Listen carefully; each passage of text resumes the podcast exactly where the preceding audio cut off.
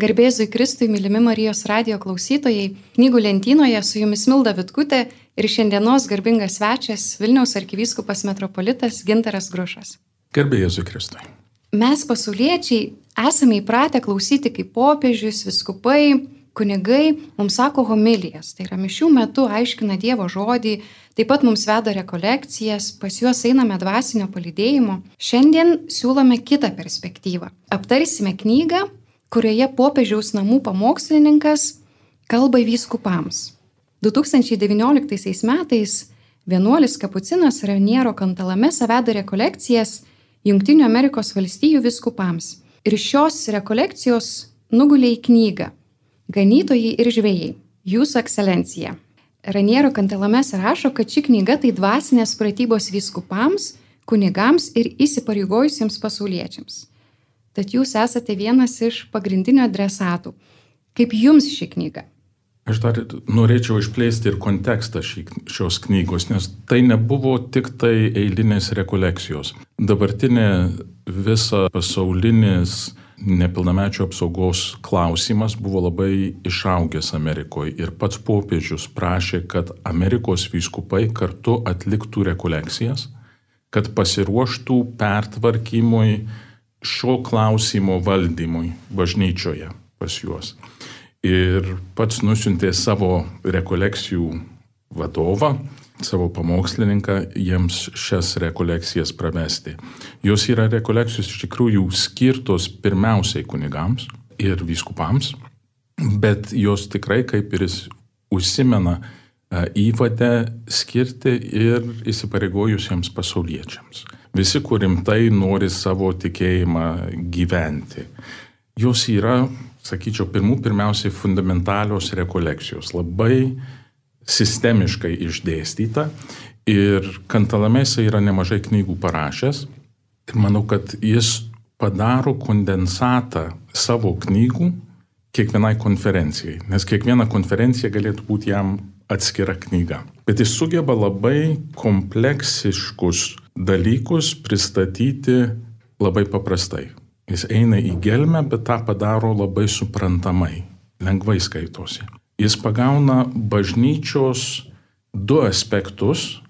Iš vienos pusės du vaidmenys apaštalų ar vyskupų ar kunigų, kurie tikrai yra tiek pat taikomi ir visai bažnyčiai. Tai yra ganytojai, kurie rūpinasi bendruomenę, sakom, avelėmis, bet tai yra bažnyčios aspektas savo bendruomenės gyvenimo kampu ir taip pat žvėjai, kur yra bažnyčios misijinis aspektas. Nelauki, kol žuvis atplauks, bet žvėjoji. Ir tai yra du aspektai bažnyčios, du aspektai vyskupų pašaukimo ir jis per įvairius pjūvius sistemiškai peržvelgia ir veda mus vis į gilesnį apmąstymą. Vienas iš dalykų, kur tikrai taip jis įvairiose vietose tokius netikėtus kampus paima, kur naudingi ir ne tik asmeniniai maldai ir refleksijai, bet ir kaip ganytojas duoda žvilgsnį, kaip ir pats gali tą panaudoti kitur.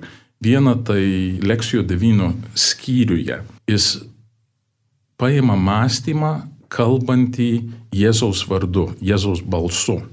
Ir tas yra labai efektyvus momentas, nes leksijo devyna ne visada taip daroma. Imi Dievo žodį ir mastai. Bet iš tikrųjų, leksijo devyna turėtų būti mūsų besiklausimas Dievo mums kalbančių. Ir jis tą pabrėžia, bet labai tokiu subtiliu būdu. Antras dalykas, kur mane tikrai taip iš karto vedė į gilesnį permastymą, tai susitaikinimo pamaldose jis dav, duoda sąžinės peržvelgą. Ir tipiškai mes imam dešimt dievo įsakymų arba didįjį įsakymą ir, ir bandom. Jis paėmė ir esu girdėjęs kitus, kur naudoja palaiminimus. Ir jis peržvelgia tuos palaiminimus, bet jis labai subtiliai pataiko padedant žmogui žvelgti giliau negu įprastai. Tai jis turi tą tikrai talentą paimti dalykus, kur yra įprasti ir mums šimtą kartų skaityti ir kai kalbi vyskupams, kurie jau baigė studijas, nieko iš principo naujo nepasakysi, skyrus, kad jis buvęs profesorius turi iš kur semtis žinių, kur ir mums naujai nuskambėtų, bet jis sugeba paimti tą naujų kampų ir vesti mus į gilesnį permastymą. Ir mus reiškia kiekvienas skaitytojas, ne tik vyskupus. Galiu paliudyti pati kaip pasaulietė, kad buvau taip pat įtraukta šios knygos. Tiksliau, ši knyga yra rekolekcijos šešių dienų. Ir kiekviena diena turi lekciją diviną, trumpą Dievo žodžio apmąstymą ir tada tris atskirus pamokymus. Ir kai kalbėjote apie lekciją diviną dalį ir pats Raniero Kantalamesa kalba, kad jis remiasi Tomo Kempiečio Kristaus sėkimo knygos pavyzdžių, kur irgi kreipiamas lik viešpats kreiptųsi į mus. Ir mane pačią šitoje pirmoje lekcijoje divina užkabino pamastymas apie pamestą drachmą. Ir Raniero Kantelamesa sako, kad ta pamestoji drachma tai mes pasimetę nuo viešpaties. Ir kad mes savo veiklose įsisukame įvairiose pareigose ir pasimetame, pametame kelią, kurio link einame. Tai mano klausimas turbūt man labiausiai kyla, mes matom, kaip kunigai labai daug dirba, kad jie yra pavargę žmonės. Ir mums atrodo, kad kunigas tai turėtų gyventi labai intensyvų dvasinį gyvenimą, tai turėtų būti pagrindinė jo pareigybė. Matom, kad kunigai yra vadybininkai, statybininkai, ar ne, ir jie daugybę laiko praleidžia padėdami pasauliečiams, jiem dvasiškai vadovaudami ir galvom, kaip jiems surasti laiko patiems nepasimesti nuo viešpaties. Man tai atrodė pagrindinė problema, kurią jis kelia. Kaip jūs matote? Jis vėl per visas šitas problemas labai grakščiai narplioja ir supina jas į nuostabų audinį. Pradedant nuo lekcijų devyną, kur jis ten kalba apie palyginimus pamestųjų ir jų yra keli. Ir pabrėžia, kad šitą apie drachmą yra vienintelė, kur tas, kur pasimeta, neišeina iš savo namų. Bet tas pametimas vyksta savyje. Ir šitas atradimas, kad taip galima ir savyje pasimesti. Tai kaip tik po to jis paima sekantę pirmą konferenciją pagrindinę apie maldą, apie kad reikia skirti tą laiką, nepasimesti tarp visų veiklų, kad pirmi dalykai turi būti pirmoji vietoje. Ir ta, jo ta išvalga pamatyti, kad reikia atrasti tą ir artumą su viešpačiu, kad visi mūsų namai būtų jo. Ir, ir, ir kviečia per tą lekciją atrasti tą dalį mūsų gyvenime, kur mes nesame įleidę viešpaties vadovavimo. Kad mes įleidžiam į vieną dalį savo gyvenimo, gal mūsų oficialius, išorinius reiškinius, mūsų pareigas, bet Kita dalis mes norim ir yra ta tendencija žmogiška, kad norim savo pasilaikyti, savo tvarkyti. Ir tas kitoj vietoje irgi iškyla tas, ar mes leidžiam viešpačiui tvarkyti mūsų gyvenimą ar ne. Ir jis tą pačią mintį iš kelių kampų per įvairias net tą pirmą dieną, tiek lekcijomas tą randam, tiek pirmoji konferencijoje, tiek antroji, bet iš kito kampo pasižiūrint. Jis kviečia mus atverti savo gyvenimą viešpačiui. Ir tokiu būdu, kad ar tai lekcijų, ar tai malda, ar Dievo artumas, viskas įeina į tą patį. Arba mes atsiduodam pilnai, arba mes negalim vykdyti tos misijos, kur viešpats mums suteikia. Tiek vyskupams, tiek kiekvienam krikščioniui. Jūs girdite Marijos radiją.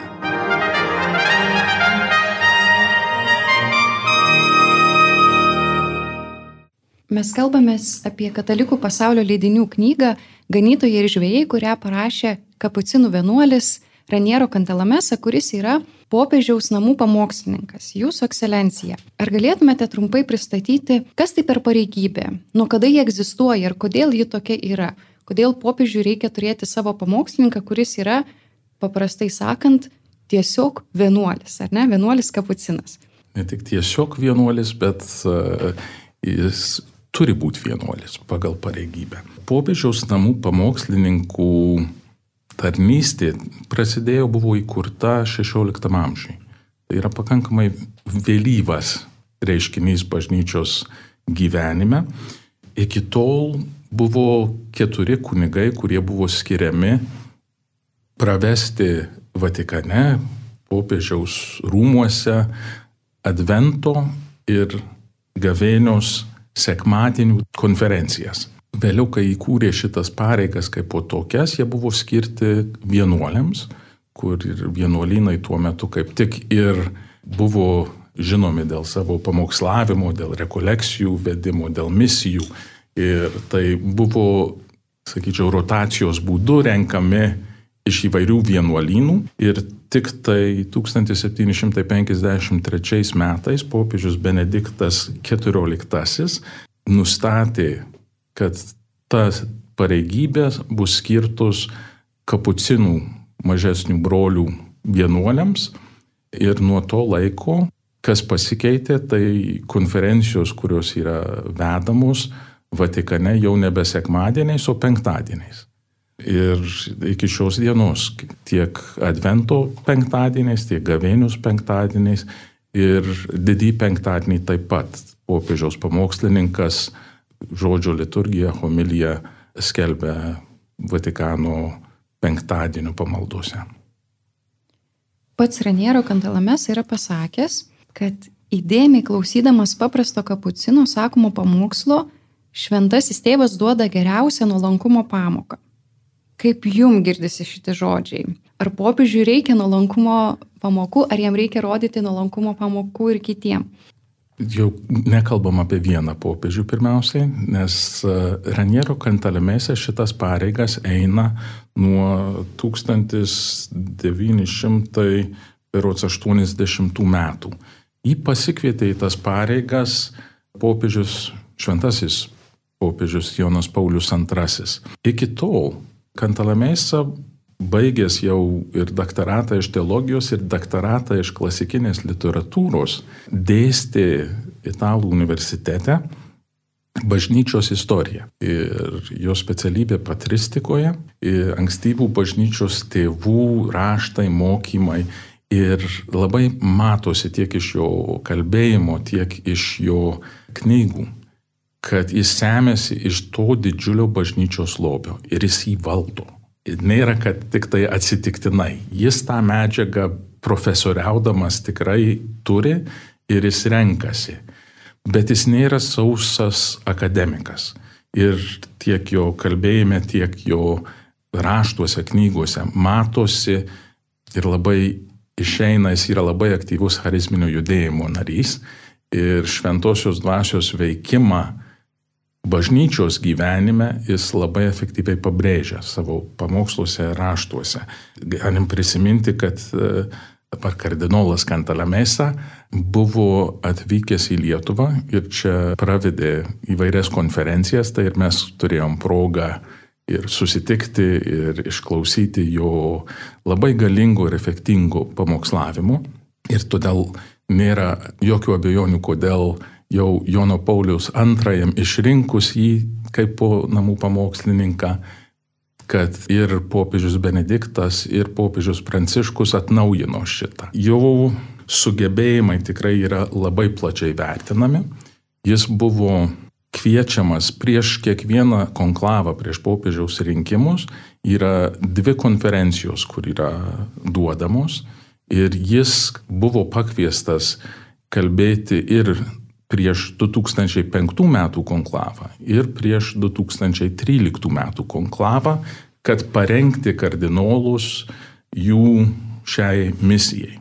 Popiežius Pranciškus vėliau paskyrė, pakėlė jį visai neseniai į kardinolo garbę, bet jau pakėlė jam esant virš 80 metų amžiaus. Tai jis niekada netapo rinkėjų ir savo prašymu jis prašė popiežiaus, kad galėtų būti kardinolas, bet nepriimti vyskupų konsekracijos. Nes e, jis ne vienas teologas, kur tai yra padaręs paskutinių 20 metų istorijoje, dar 30 metų istorijoje.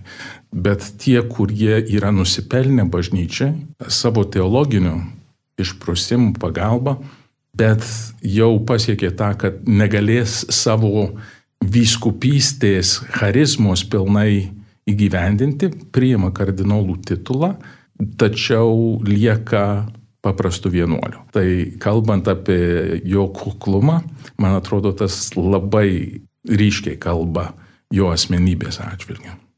Knygų lentynoje pas mus lankosi Vilniaus arkivyskupas metropolitas Gintaras Grušas ir mes pristatome Kataliko pasaulio leidinių knygą Ganytojai ir žvėjai, kurią parašė popiežiaus namų pamokslininkas Raniero Kantalamesa, kuris yra kapucinų vienuolis. Mes su arkivyskupu Gintaru Grušu sutarėme, kad aptarsime pirmąją rekolekcijų dieną. Jau pradėjome kalbėti laidos pradžioje apie lekcijo diviną, pamestą drachmą ir štai turime dar tris skirelius.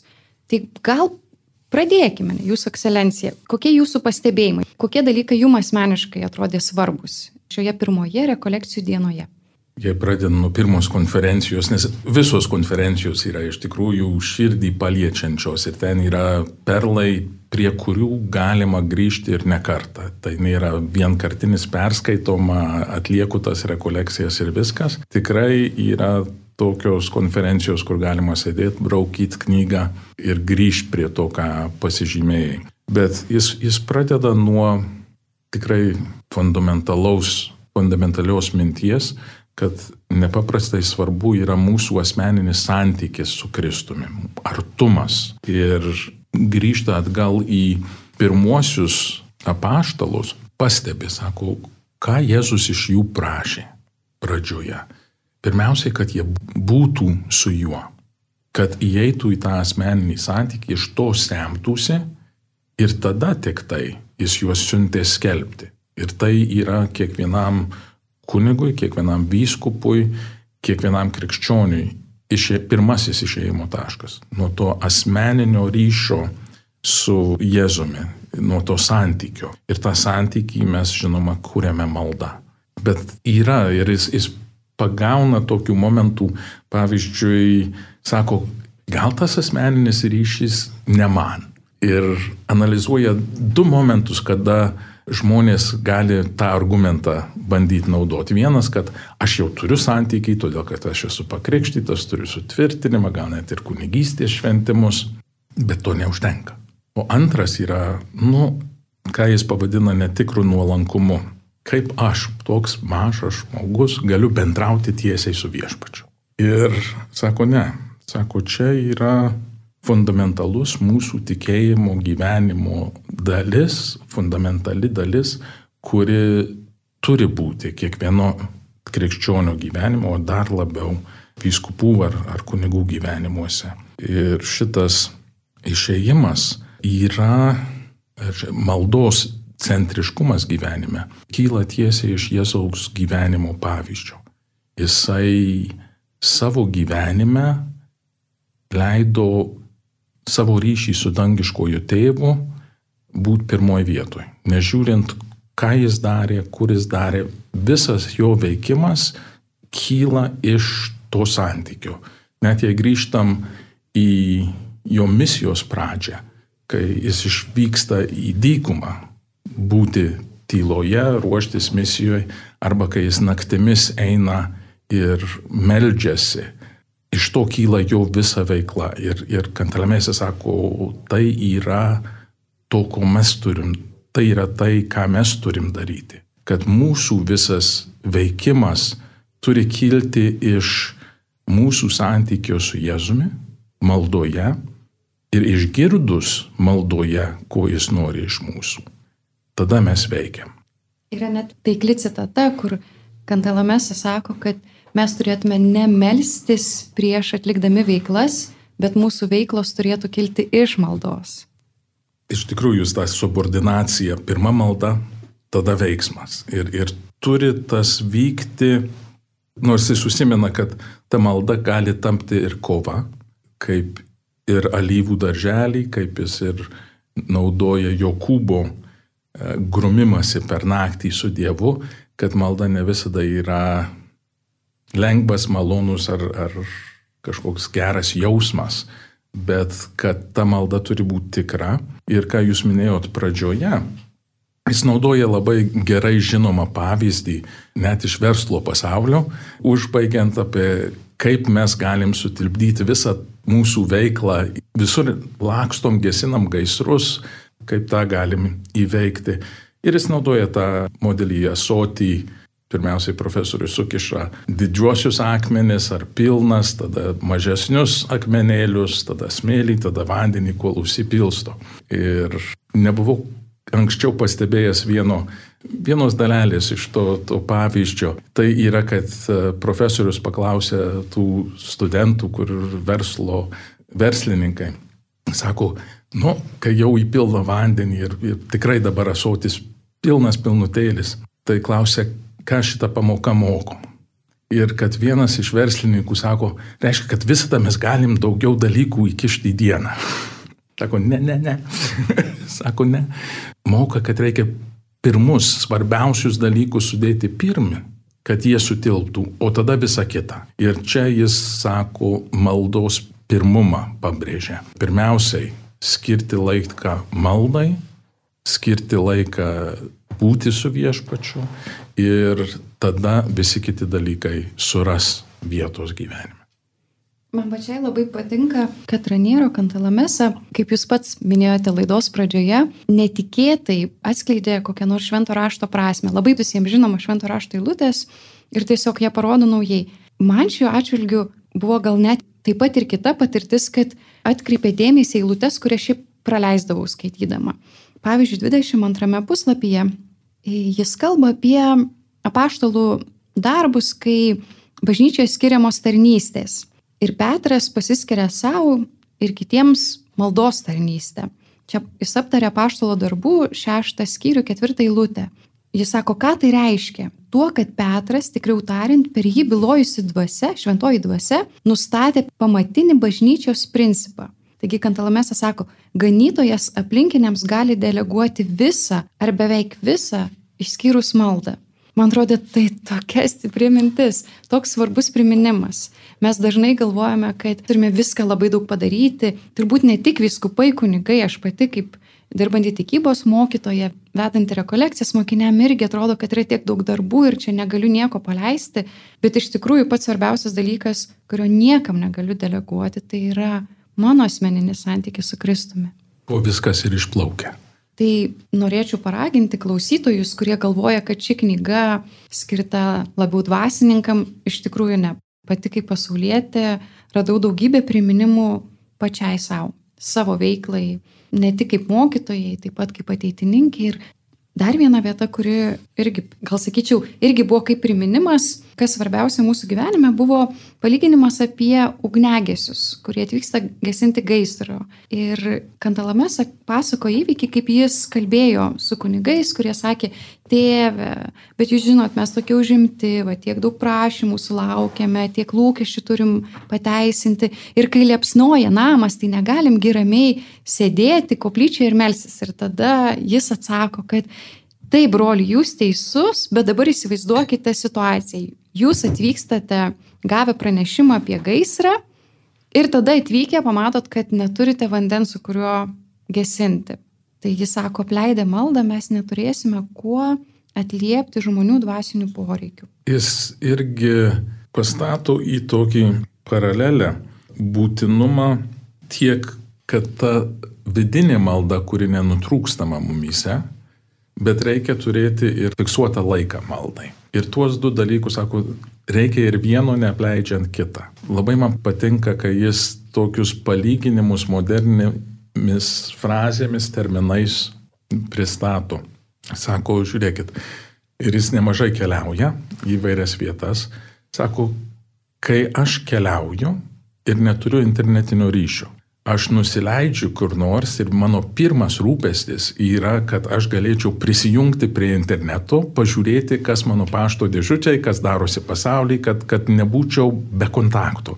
Sako, tas pats yra maldoj. Sako, mes galim dirbti, bėgioti, bet jei mes prarandam tą kontaktą su viešpačiu, tai kai kur nors e, iš karto galime atstatyti tą kontaktą, iš jo semtis, kad mes galėtumėm vykdyti savo misiją. Ir pasako paprastus dalykus, bet suprantamai terminais. Mums šiandien žinom visi, kad kai mes esam neryšio zonoje ir, ir neturim kontakto, jaučiamės, kad rankos surištos, kad mes kažko nepasiekiam. Bet turėtumėm turėti lygiai tą patį jausmą, kai dėl užimtumo ar dėl kitų priežasčių prarandam savo tiesioginį kontaktą su Dievu, iš kur ateina mūsų visos, visi įkvėpimai, visa gale veikti šventosios dvasios veikimą.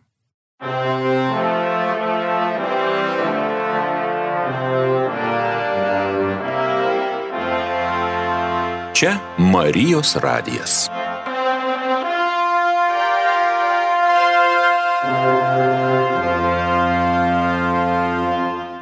Mėly Marijos radio klausytojai, primenu, kad knygų lentynoje kalbamės apie Ramniero Kantelamesą knygą Ganytojai ir žvėjai ir su mumis šiandieną Vilniaus arkivyskupas metropolitas Gintaras Grušas. Mes jau pradėjome aptarinėti pačią knygą, jos turinį, esame prie pirmosios rekolekcijų dienos ir prieėjome prie popietinio mąstymo, kuris vadinasi radikalus atsivertimas. Raniero Kandelamesa kalba apie dvi atsivertimo sampratas. Jis sako, pirmoji samprata, kuri egzistavo iki Jėzus ateimo, tai buvo labiau suprantama, kad atsiversti tai yra pakeisti savo įpročius. Sako, bet štai Jėzus atnaujindamas seną įstatymą pabrėžia kitą dalyką kad atsivertimas tai yra visai kitokio santykio su Dievu suvokimas. Jūsų ekscelencija, ar galėtumėte aptarti, kaip jūs supratot, apie kokį tą kitokį santykį kalba Raniero Kantalamesa? Jis tęsė iš pirmos konferencijos mintį, kad mūsų santykis su Dievu turi būti artimas, jis turi būti toks, kad mūsų visas gyvenimas, jis tampa mūsų gyvenimo centru.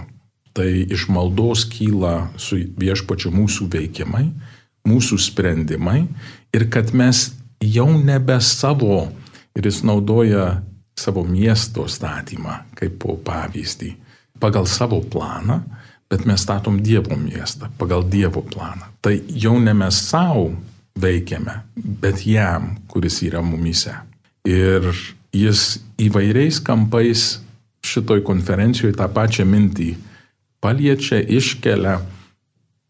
Vienoje vietoje Jis klausia, kas mūsų gyvenimo centre, kitoje vietoje jis tą patį iškelia noras būti pirmam, pirmaujantis.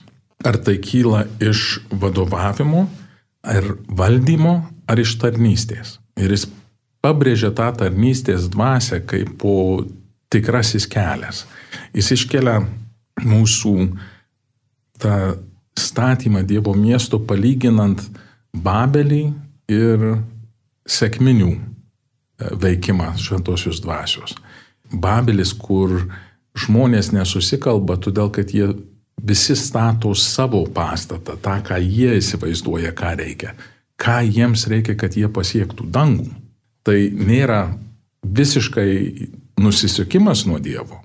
Jie iš tikrųjų norėjo pasiekti dangų, bet jie norėjo tą daryti savo būdu. O jau per sėkmines jau apaštalai ne apie save kalbėjo. Jie jau kalbėjo apie Dievą, apie šventosios dvasios veikimą, apie prisikėlusį Jėzų ir statė jo karalystę, jo statinį. Ir, ir todėl tas atsivertimas yra nusisukimas pirmiausiai nuo savęs, nuo savo vizijų ir prisėmimas Dievo vizijos, Dievo plano, Dievo matymo, kaip kaip jis mato. Ir į tą labai kviečia Kantalamėsa šito, šitoj konferencijoje.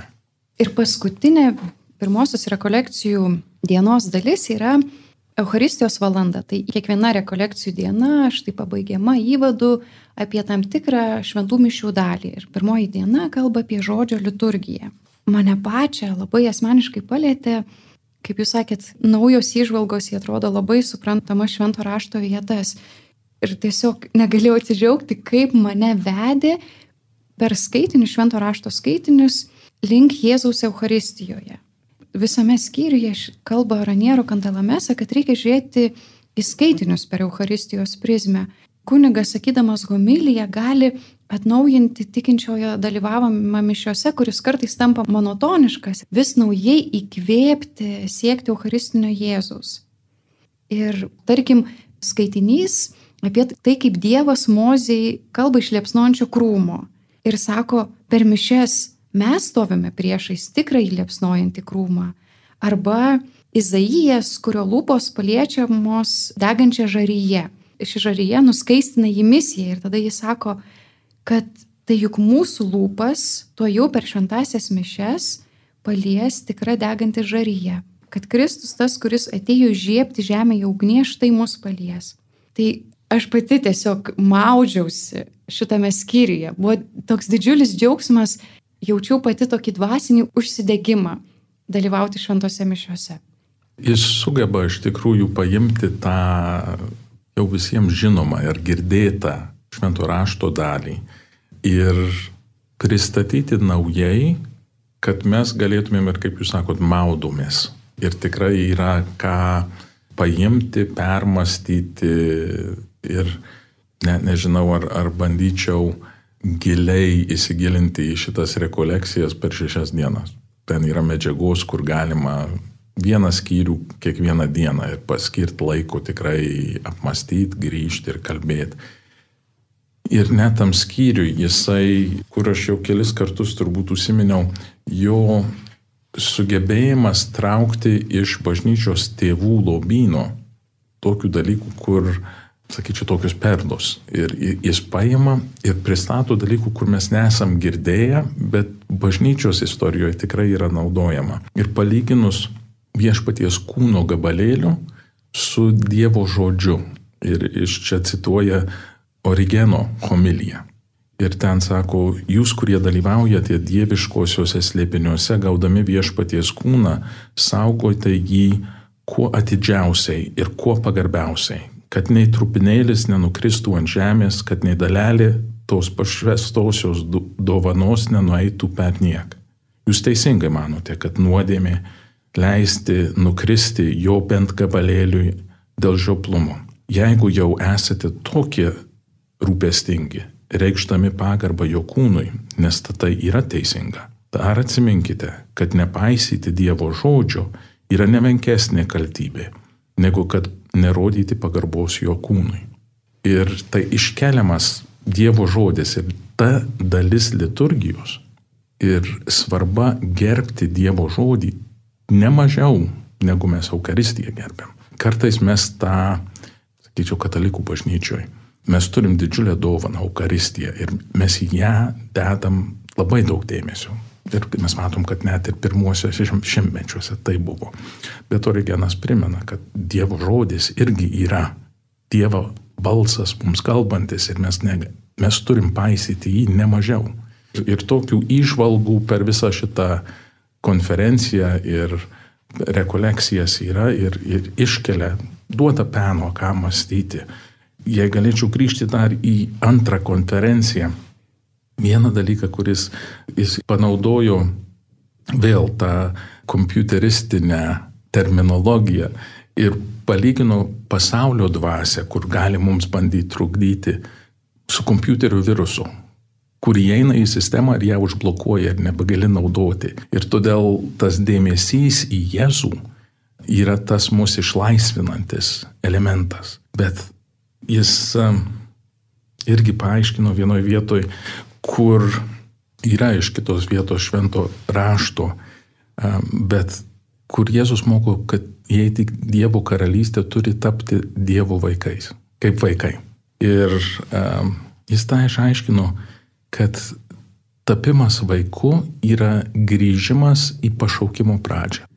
Ir Pauliaus laiškuose, kaip norėčiau, kad sugrįžtumėte į savo pirmąją meilę.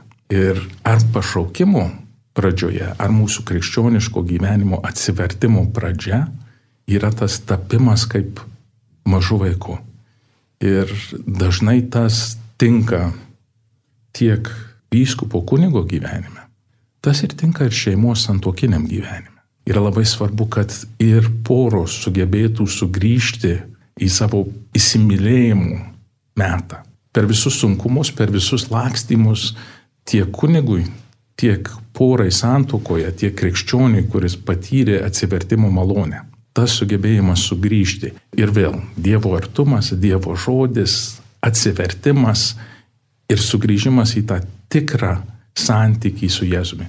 Per visas jo konferencijas, sakau, taip supinta į nepaprastą vaizdą ir, ir jis turi tą talentą nepakartojamą.